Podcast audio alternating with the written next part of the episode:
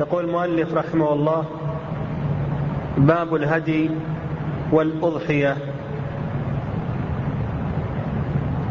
الهدي هو ما يهدى للحرم من نعم وغيرها. سمي بذلك لأنه يهدى إلى الله سبحانه وتعالى. والأضحية واحدة الأضاحي ويقال أيضا ضحية وهو ما يذبح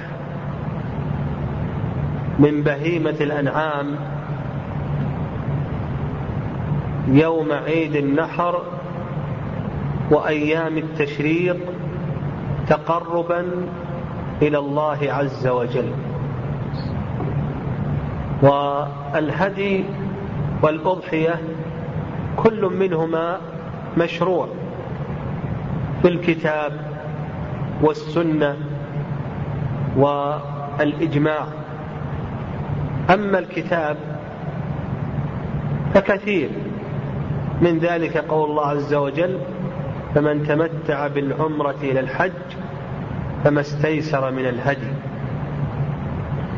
وأيضا قول الله عز وجل فصل لربك وانحر. فسر بعض العلماء الصلاة هنا بصلاة عيد الأضحى والنحر بنحر الأضحية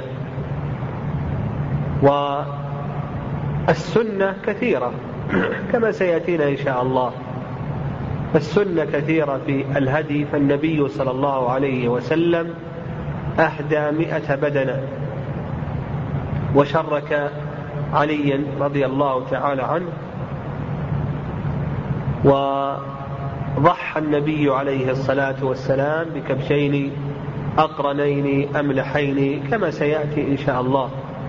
والإجماع قائم على مشروعيتهما في الجملة. وإن اختلف العلماء رحمهم الله في بعض التفاصيل. يقول المؤلف رحمه الله والهدي والأضحية سنة. قوله الهدي سنة هذا فيه نظر. فالهدي منه ما هو سنة ومنه ما هو واجب. فهدي التمتع واجب.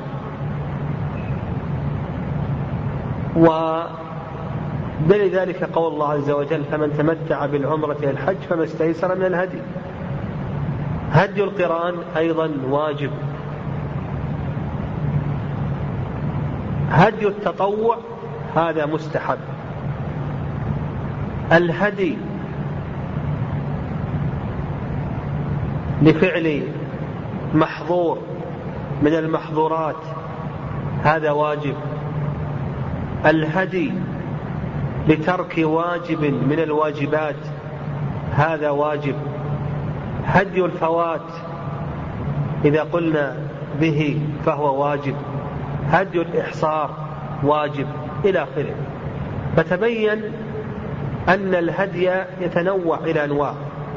منه ما هو واجب؟ كهدي المتعة والقران والهدي لفعل محظور كما سبق لنا في محظورات الحج هدي الفوات إذا قلنا به هدي الإحصار آه الهدي لترك واجب من الواجبات إلى آخره هذا واجب.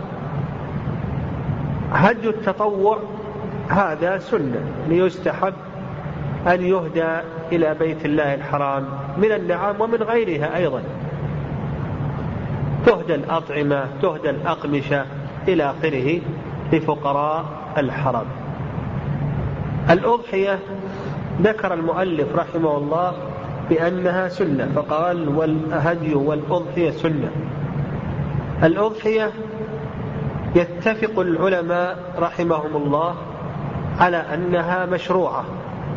لكن اختلفوا في درجة هذه المشروعية.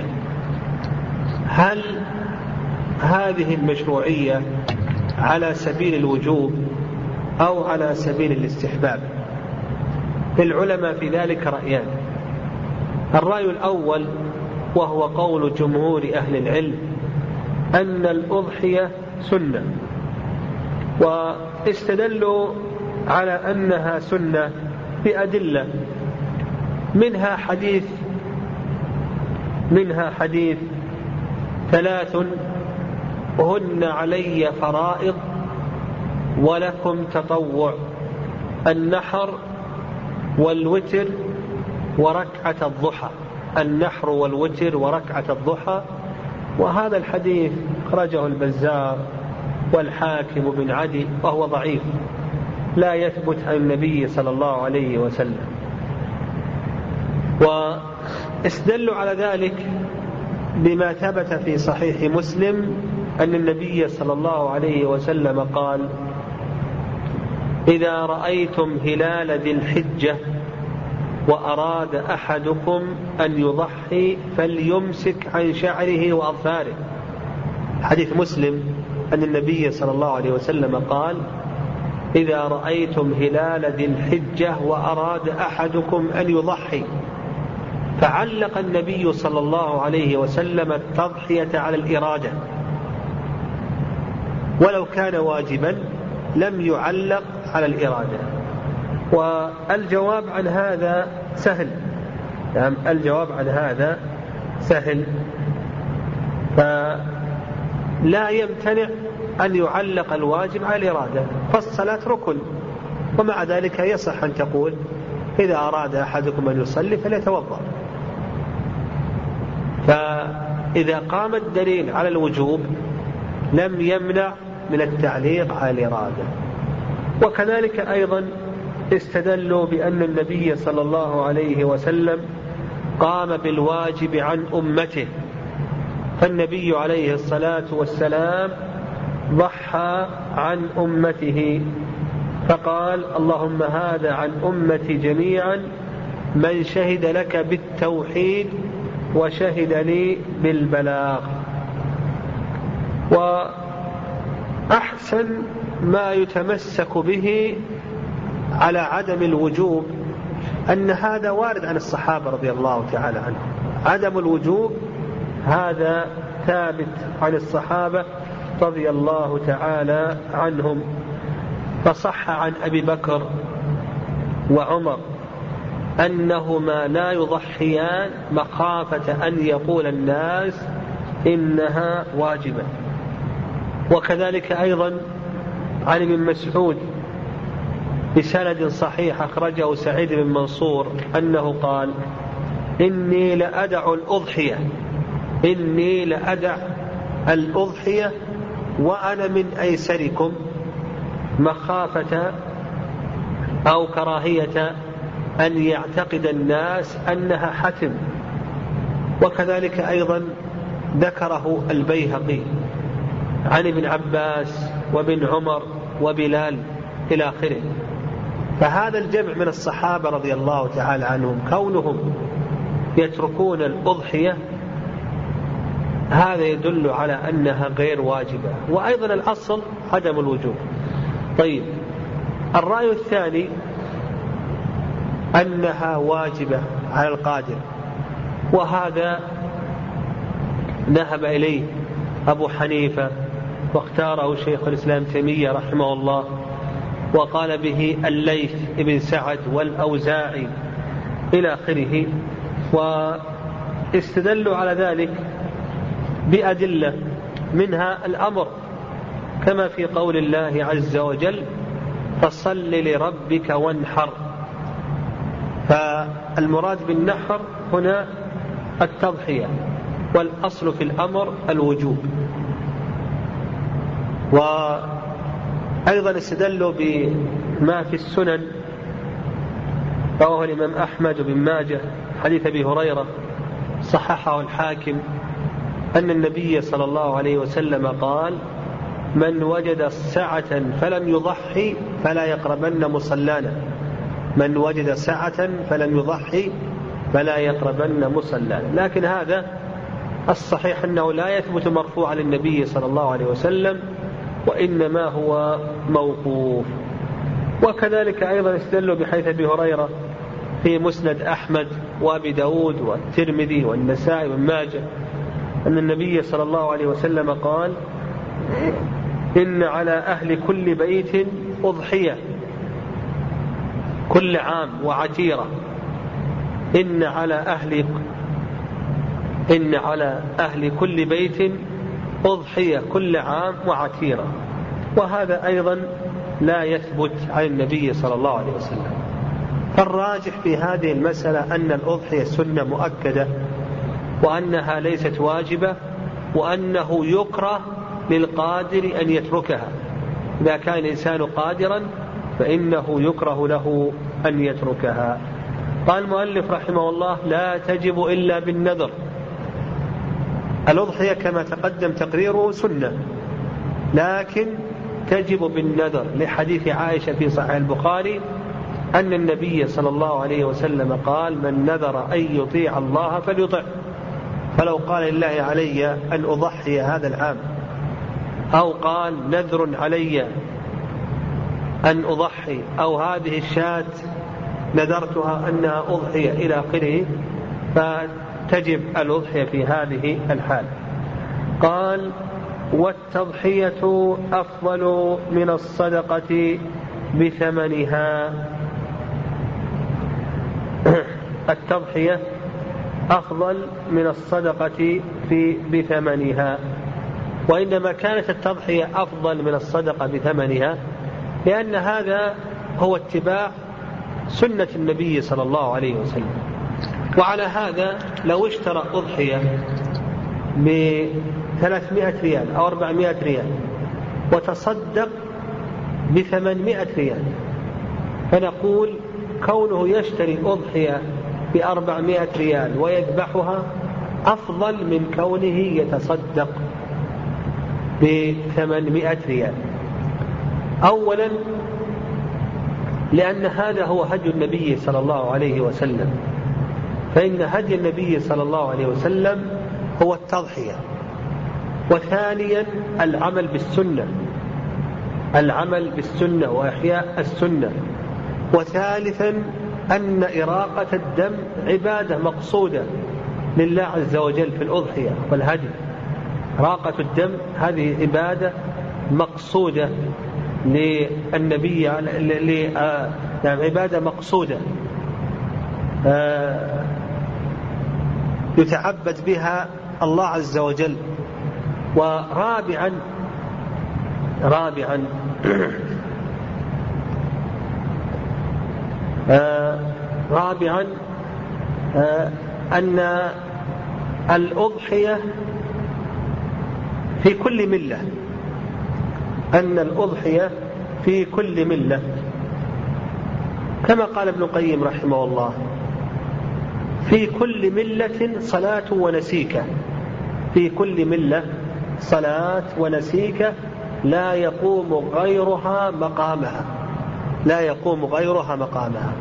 وخامسا خامسا أن الإنسان إذا ضحى فإنه يأتي بعبادة الوقت.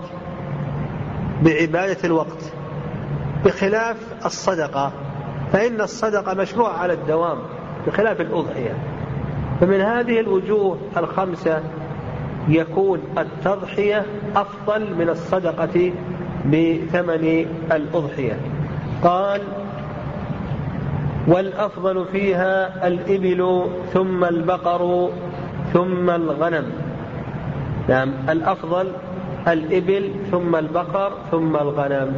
هذا إذا أخرج كاملا. إذا أخرج كاملا فالأفضل الإبل ثم البقر ثم الغنم. فجنس الإبل إذا أخرج كاملا أفضل من جنس البقر. وجنس البقر أفضل من جنس الغنم لكثرة الثمن ونفع الفقراء.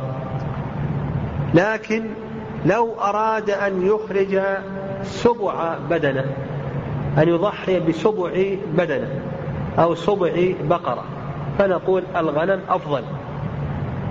يعني الإبل أفضل ثم البقر ثم الغنم هذا إذا أخرج كاملا.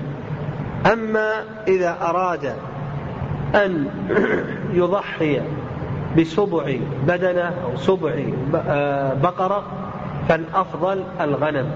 يخرج شاة جذع ضان أو ثني معز أفضل من كونه يذبح أو يضحي أو يهدي بسبع بدنة أو سبع بقرة. طيب ما الأفضل من هذه الإبل والبقر والغنم. ما هو الأفضل منها؟ يعني من حيث الجنس إذا أراد أن يخرج كاملا الإبل ثم البقر ثم الغنم.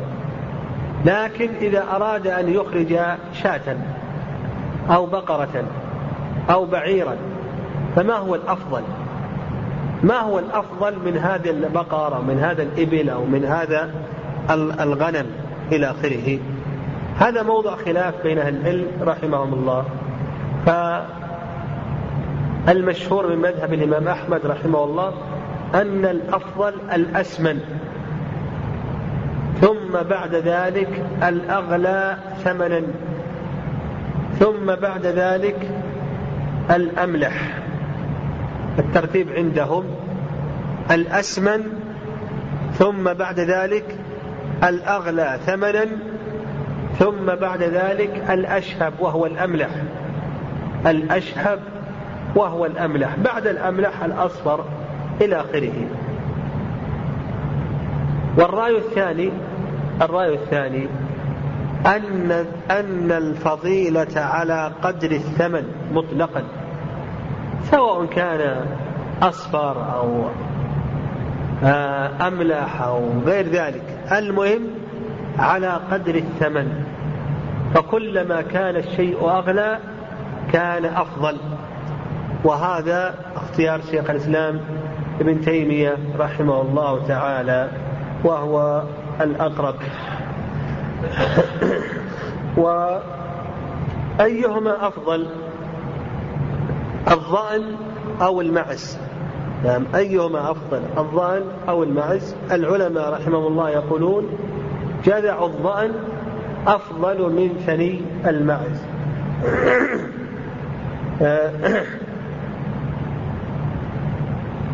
قال رحمه الله ويستحب استحسانها واستسمانها يستحب للإنسان إذا أراد أن يخرج الأضحية أن يتحرى الأضحية الحسنة الأضحية السمينة. بما في ذلك من تعظيم شعائر الله. والله عز وجل يقول ومن يعظم شعائر الله فإنها من تقوى القلوب. ولحديث أنس في صحيح البخاري أن النبي صلى الله عليه وسلم كان يضحي بكبشين أملحين أقرنين. كان يضحي بكبشين أقرنين أملحين فقوله أملحين هذا يدل على أنه يستحب استحسان الأضحية وأيضا استثمانها لما تقدم من الآية. قال ولا يجزئ فيها إلا جذع ضأن وثني سواه فالإبل نعم قال ولا يجزئ إلا الجذع من الضأن والثني مما سواه. الأضحية يشترط لصحتها شروط. نعم الأضحية يشترط لصحتها شروط. الشرط الأول أن تكون من بهيمة الأنعام. الشرط الأول أن تكون من بهيمة الأنعام. من الإبل أو البقر أو الغنم. والغنم يشمل المعز والظأن وعلى هذا فلو ضحى بغير بهيمة الأنعام فإنه لا يجزي. لو ضحى بغزال مثلا مع أنها قد تكون أغلى فإن هذا غير مجزئ. أو ضحى بحمار وحشي فإن هذا نقول بأنه غير مجزئ. اقتصارا على النص. الشرط الثاني السن. ولهذا قال المؤلف رحمه الله ولا يجزئ إلا الجذع من الضأن والثني مما سوى. والسن بالنسبة للضأن الجذعة وهو ما له ستة أشهر وبالنسبة لما عداه الثني. فالمعز يكون له سنة والبقر يكون له سنتان والإبل يكون له خمس سنوات. ويدل لذلك حديث جابر رضي الله تعالى عنه أن النبي صلى الله عليه وسلم قال لا تذبحوا إلا مسنة. المسنة هي الثنية. لا تذبحوا إلا مسنة إلا أن تعسر عليكم فتذبحوا جذعة من الضأن. وهذا أخرجه مسلم في صحيحه. وأيضا حديث عقبة بن عامر أن النبي صلى الله عليه وسلم قسم بين أصحابه. حيث عقبة أن النبي عليه الصلاة والسلام قسم بين أصحابه ضحايا فصارت لعقبة جذعة. فقال النبي صلى الله عليه وسلم ضح بها. وهذا في الصحيحين. حيث عقبة بن عامر أن النبي صلى الله عليه وسلم قسم بين أصحابه ضحايا فصار لعقبة جذعة فقال يا رسول الله صارت لي جذعة فقال النبي صلى الله عليه وسلم ضح بها ضح بها. قال وثني المعز ما له سنة وثني الإبل ما له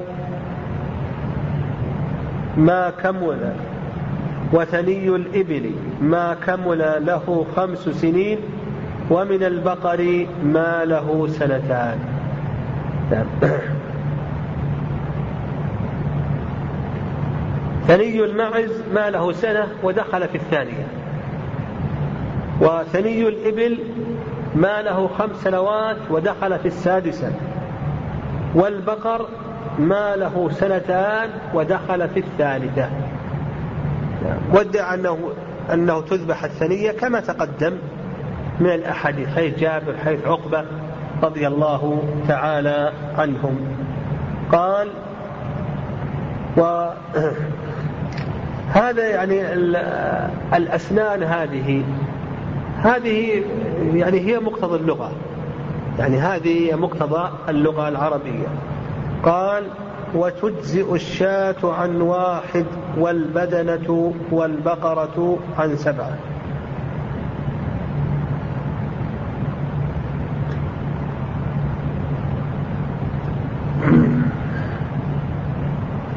يقول المؤلف وتجزئ الشاة عن واحد. يعني الشاة الواحدة تجزي عن الواحد وعن أهل بيته وعياله. ودليل هذا حديث أبي أيوب. قال كان الرجل في عهد رسول الله صلى الله عليه وسلم يضحي بالشاة عنه وعن أهل بيته فيأكلون ويطعمون. كان الرجل في عهد رسول الله صلى الله عليه وسلم يضحي بالشاة عنه وعن أهل بيته فيأكلون ويطعمون وهذا الحديث صححه الترمذي يعني أخرجه الترمذي وابن ماجه والإمام مالك وقال الترمذي حديث حسن صحيح. فهذا يدل على أن الشاة الواحدة تكفي عن الرجل وعن أهل بيته وعياله. و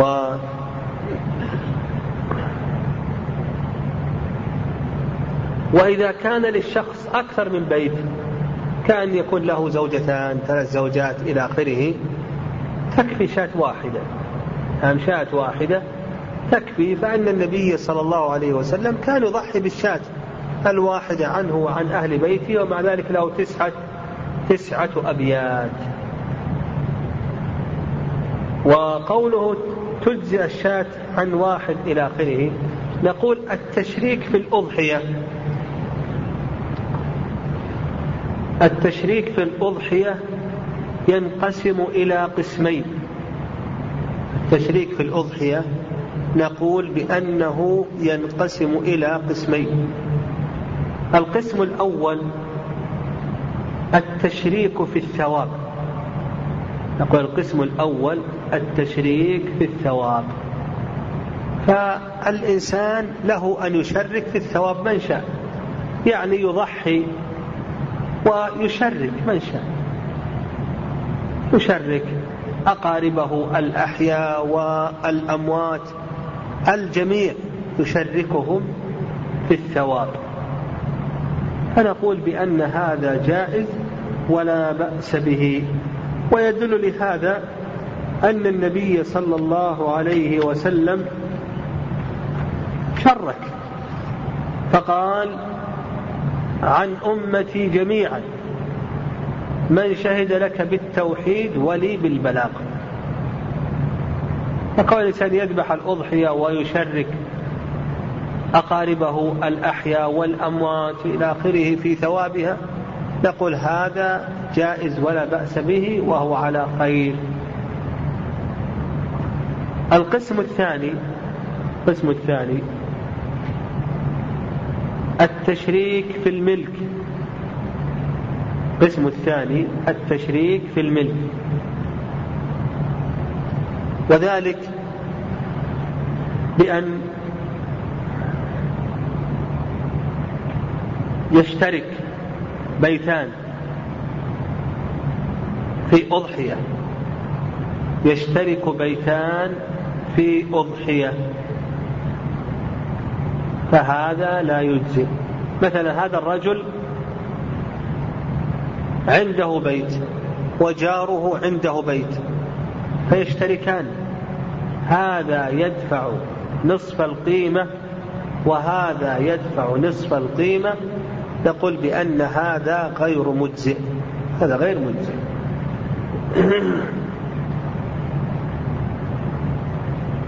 لأن الأصل أن يضحي الإنسان بشاة كاملة. لا يضحي ببعض شاة. هذا لم يرد. هذا لم يرد. لكن لو اشترك أهل بيت أهل بيت اشتركوا في أضحية. كل دفع واشتروا أضحية. مثل المرأة وزوجها. الزوج دفع نصف الأضحية والمرأة دفعت نصف الأضحية.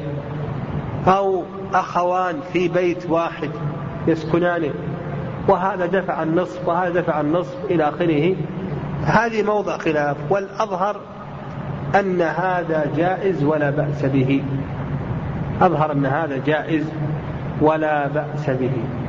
لحديث أبي الأشد في مسند الإمام أحمد رحمه الله أنهم كانوا سبعة. فاشتركوا في الأضحية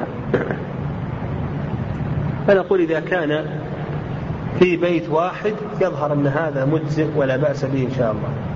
قال والبدنة والبقرة عن سبعة. التشريك في الملك كما تقدم لا يجزئ إلا عن أهل بيت إذا كان شاة واحدة. أما إذا كان بدنة أو بقرة فإن البدنة تجزئ عن سبعة أبيات والبقرة أيضا تجزئ عن سبعة أبيات. لحديث جابر رضي الله تعالى عنه أن النبي صلى الله عليه وسلم أمرهم أن يشتركوا في الإبل والبقر كل سبعة في واحد منهما. هي جابر في مسلم قال أمر رسول الله صلى الله عليه وسلم أن نشترك في الإبل والبقر كل سبعة في واحد منهما. وهذا أخرجه مسلم في صحيحه. فنقول بأن هذا جائز ولا بأس به إن شاء الله. الاشتراك في البدنة عن سبعة والبقرة عن سبعة. وسواء أراد كل منهم الأضحية أو لا. فلو أن سبعة أشخاص هذا الأول أراد الأضحية. والثاني أراد هدي المتعة والثالث أراد هدي القران.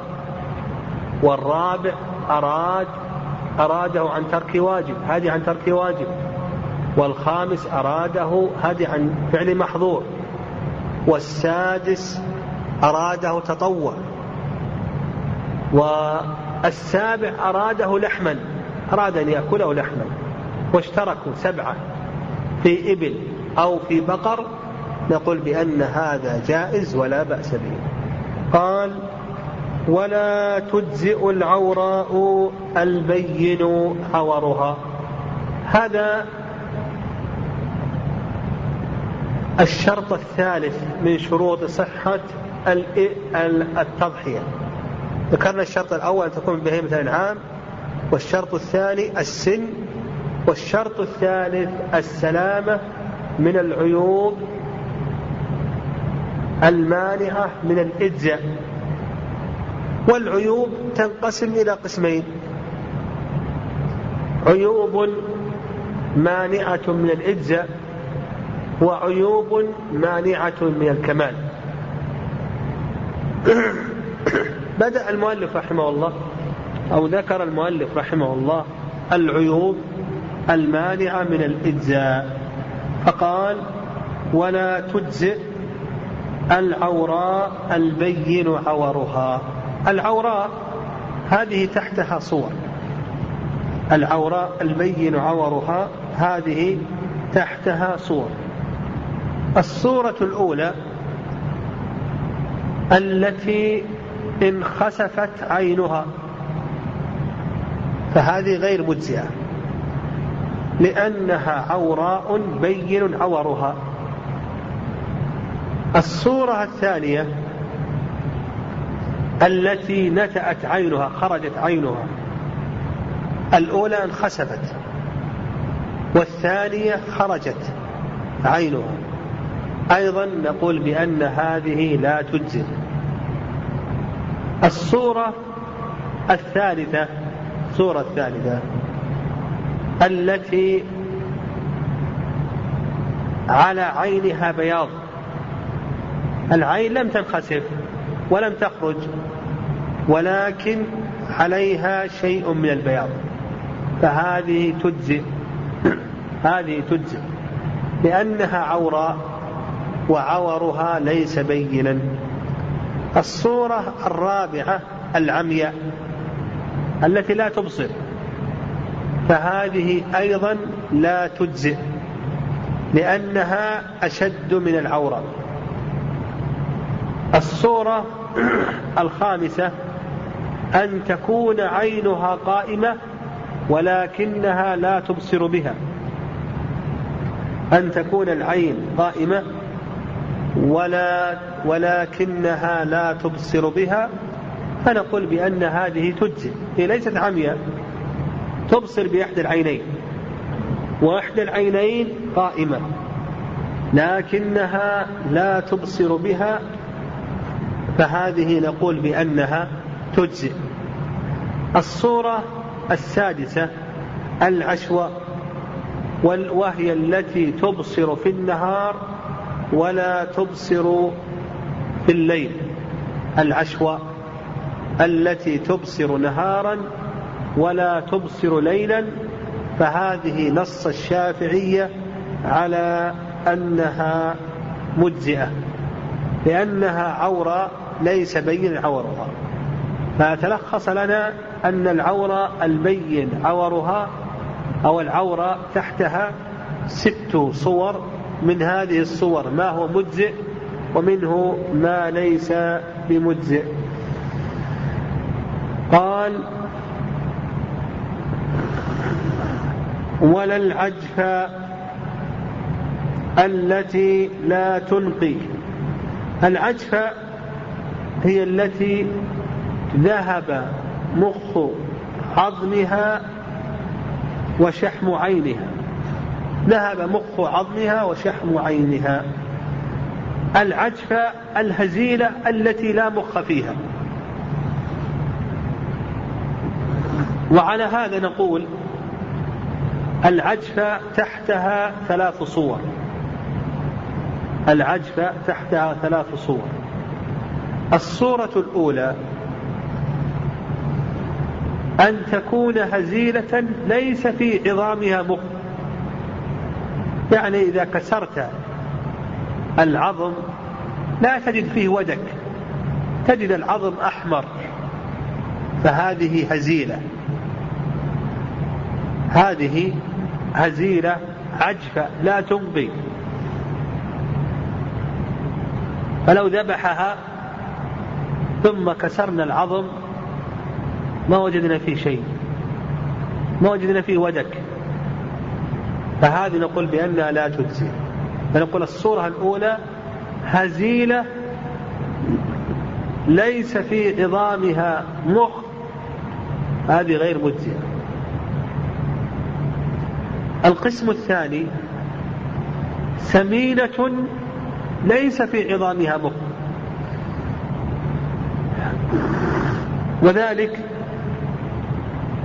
بأن آه، يأتي الربيع يأتي الربيع وتأكل وتشبع ويحصل لها السمن لكن حتى الآن لم يحصل مخ في عظامها هي سمينة الآن لكن لما ذبحناها وكسرنا العظم ما وجدنا فيها مخ في عظامها مخ. فهذه تجزي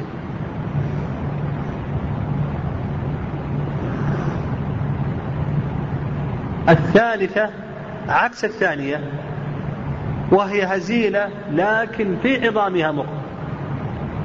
هزيلة في عظامها مخ. وهذه أيضا نقول بأنها مجزئة. نقول بأنها مجزئة. فأصبح عندنا العجفة هزيلة ليس في عظامها مخ لا تجزئ.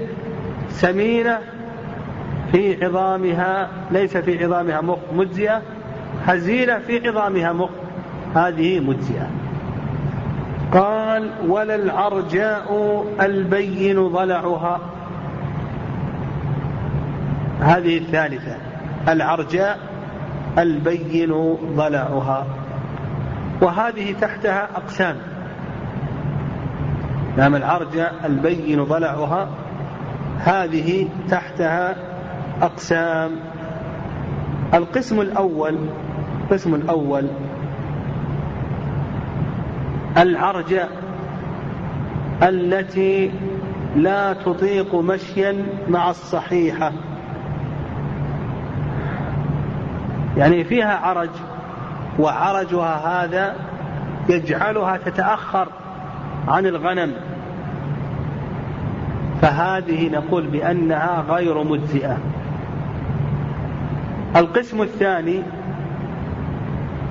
العرجة التي لا يمنعها عرجها من معانقة السليمة. فيها عرج لكن مع ذلك العرج يسير. تستطيع أن تجاري الغنم وتمشي مع الغنم. ما تتأخر عن الغنم. ها؟ وهذه نقول بأنها تجزئ. لأنها عرجة وعرجها ليس بينا. القسم الثالث أن تكون مكسورة اليد أو الرجل. وهذه نقول بأنها لا تجزئ. إذا كانت مكسورة اليد أو الرجل نقول بأنها غير مجزئة. أشد من العرج ما تمشي. الصورة الرابعة أن تكون مقطوعة اليد أو الرجل. الصورة الرابعة أن تكون مقطوعة اليد أو الرجل هذه أيضا نقول بأنها لا تجزئ. نعم. الصورة الخامسة. الصورة الخامسة. التي لا تستطيع المشي لثمنها. ثمينة هي ليست عرجة وليست مكسورة اليد ولا مكسورة الرجل.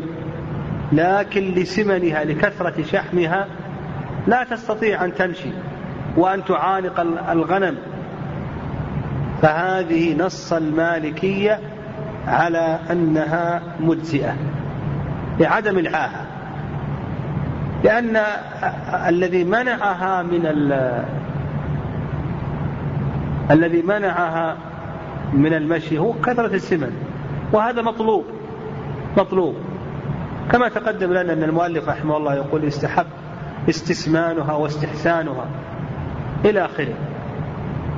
فهذه كلها داخلة تحت قول المؤلف رحمه الله ولا العرجاء البين ضلعها قال ولا المريضة البين مرضها المريضة البين مرضها.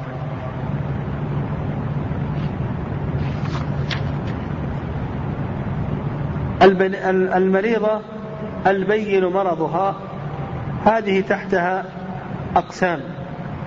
نعم هذه تحتها أقسام. أولا المريضة التي مرضها بين بأن يظهر عليها آثار المرض كالحمى.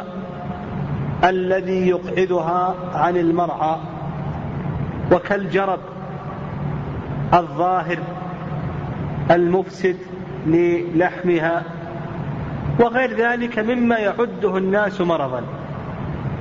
فنقول بأن هذه غير مجزئة. الصورة الأولى المريضة التي مرضها بينا بأن تكون آثار المرض بأن تكون آثار المرض قد ظهرت عليها. أصابها حمى. ما تستطيع تذهب إلى مرعى فيها جرب ظاهر. وغير ذلك من ومثل ذلك الآن ما يوجد من الطلوع التي توجد في البهائم. الطلوع هذه الحية. إذا كانت يابسة هذه مجزية إن شاء الله. لكن الطلع الذي يوجد في البهائم هذا إذا كان حيا ليس يابسا. هذا مرض ظاهر. هذه مريضة بين مرضها. نقول بأنها لا تجزئ. هذا القسم الأول. القسم الثاني المريضة التي مرضها ليس بينا. كأن يكون فيها حمى يسيرة. لا يقعدها ذلك عن المرأة. ونحو ذلك. من الأشياء التي لا تكون بينة فهذه نقول بأنها مجزئة. هذه نقول بأنها مجزئة. القسم أو الصورة الثالثة ما أخذها سبب الموت. ما أخذها سبب الموت. هذه نقول لا تجزي المنخنقة والموقوذة والمتردية والنطيحة حتى تنجو. التي سقطت من علو إلى آخره أخذ سبب الموت. ما تجزي. لو أنها سقطت من متردية سقط من علو أو نطيحة أو صدمت ثم أخذها صاحبها وذبحها بنية الأضحية هذه لا تجزي. هذه مريضة بين مرضها. حتى تنجو وتشفى. الصورة الرابعة المبشومة حتى تثلط المبشومة حتى تثلط وما هي المبشومة؟ المبشومة هي التي أكلت حتى انتفخ بطنها. فهذه ما تجزي حتى تثلث حتى تخرج اللي في بطنها. يقول هذه لا تجزئ حتى تخرج ما في بطنها. الصورة الخامسة ما أخذها سبب الولادة. نعم الصورة الخامسة ما أخذها سبب الولادة حتى تنجو. يعني إذا بدأ بها سبب الولادة. ثم أخذها صاحبها وضحى بها. لا ما تجزي. حتى تنجو. تسلم. لأن الولادة سبب للهلاك أو من أسباب الهلاك. فنقول بأنها لا تجزي.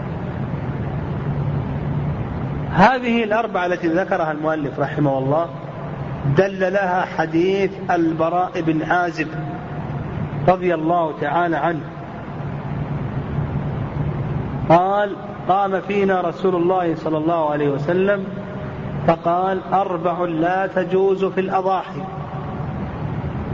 أربع لا تجوز في الأضاحي العوراء البين عورها والمريضة البين مرضها والعرجاء البين ضلعها والعجفاء التي لا تنقي. وهذا الحديث أخرجه أبو داود والنسائي والإمام أحمد وابن الجارود والحاكم والبيهقي وغيرهم. هذا الحديث صحيح ثابت وصححه جمع من أهل العلم منهم الترمذي وابن خزيمة وابن حبان والحاكم والذهبي وغيرهم. هذه الأربع وما تحتها من الصور هي التي لا تجزي هي العيوب التي تمنع من الإجزاء. ما عدا ذلك فالأصل فيه أنه مجزئ ولا بأس به. قل ما عدا ذلك من العيوب فالأصل أنه مجزئ. ولهذا قال لك المؤلف رحمه الله ولا العظم التي ذهب أكثر قرنها أو أذنها العظمة ما هي العظمة فسرها قال التي ذهب أكثر قرنها أو أذنها. فيقول المؤلف رحمه الله بأنها لا تجزي العظمة ذهب أكثر قرنها أو أذنها.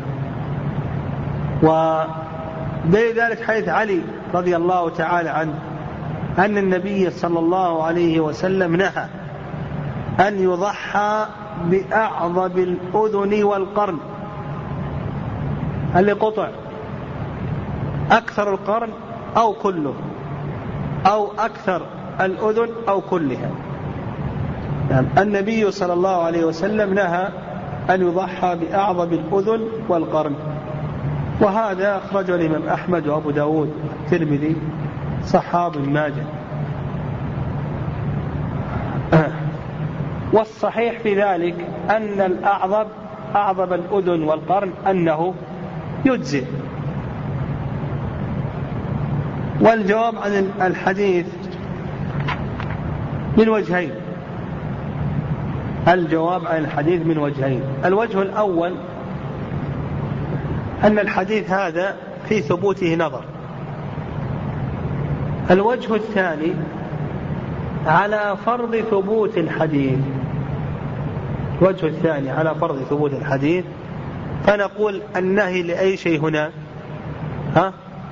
التنزيه النهي هنا للتنزيه. لأن حديث البراء النبي صلى الله عليه وسلم ذكره على وجه البيان لأنه قام خطيب في الناس وقال أربع أهل في الأضاحي ما عداها دعا أنه جائز. ولهذا الرأي الثاني الإجزاء مذهب الشافعية.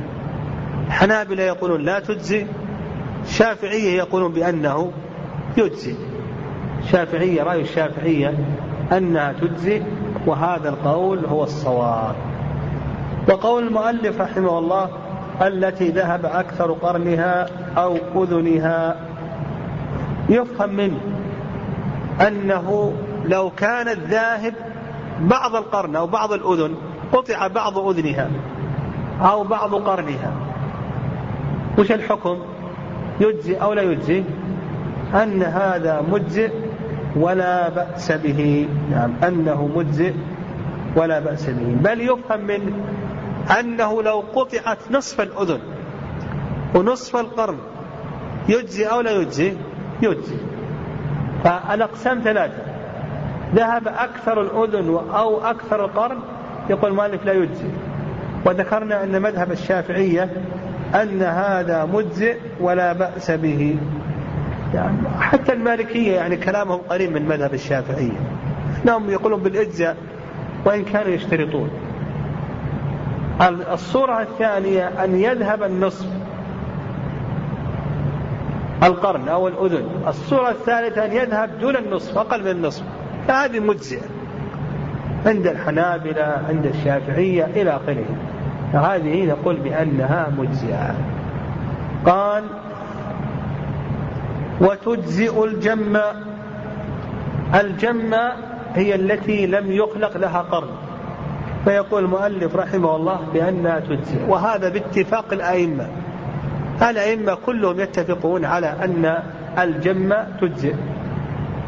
والبتر البتر هي التي لا ذنب لها سواء كان ذلك خلقة أو مقطوعا البتر هي التي لا ذنب لها سواء كان لا ذنب لها خلقة أو مقطوعا واعلم أن عندنا أمرين. ذنب وإلية. ذنب وإلية. الذنب يكون بأي شيء؟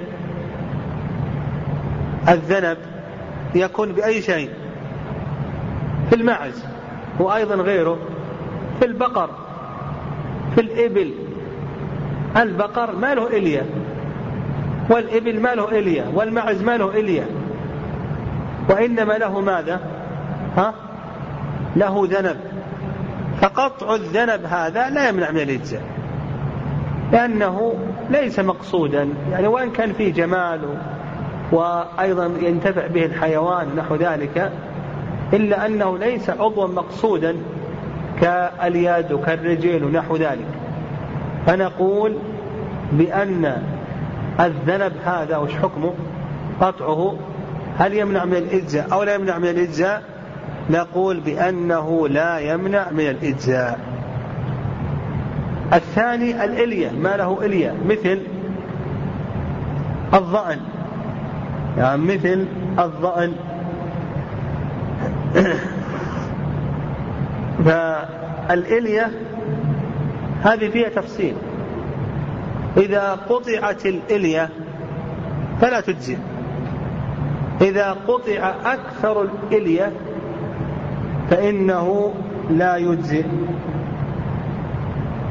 إذا قطع النصف أو أقل من النصف فإنه مجزئ. فالإلية فيها تفصيل. إن قطعت كل الإلية أو أكثرها هذا القسم الأول نقول لا يجزي إن قطع النصف أو أقل من النصف نقول بأن هذا مجزئ بأن هذا مجزئ. وإنما لا يجزئ إذا قطعت كل الإلية أو أكثرها لأن الإلية عضو مقصود. الشحم ينتفع به الناس فالإلية عضو مقصود للحيوان ينتفع به أو ينتفع به. فنقول بأنه لا يجزئ. لا يجزئ.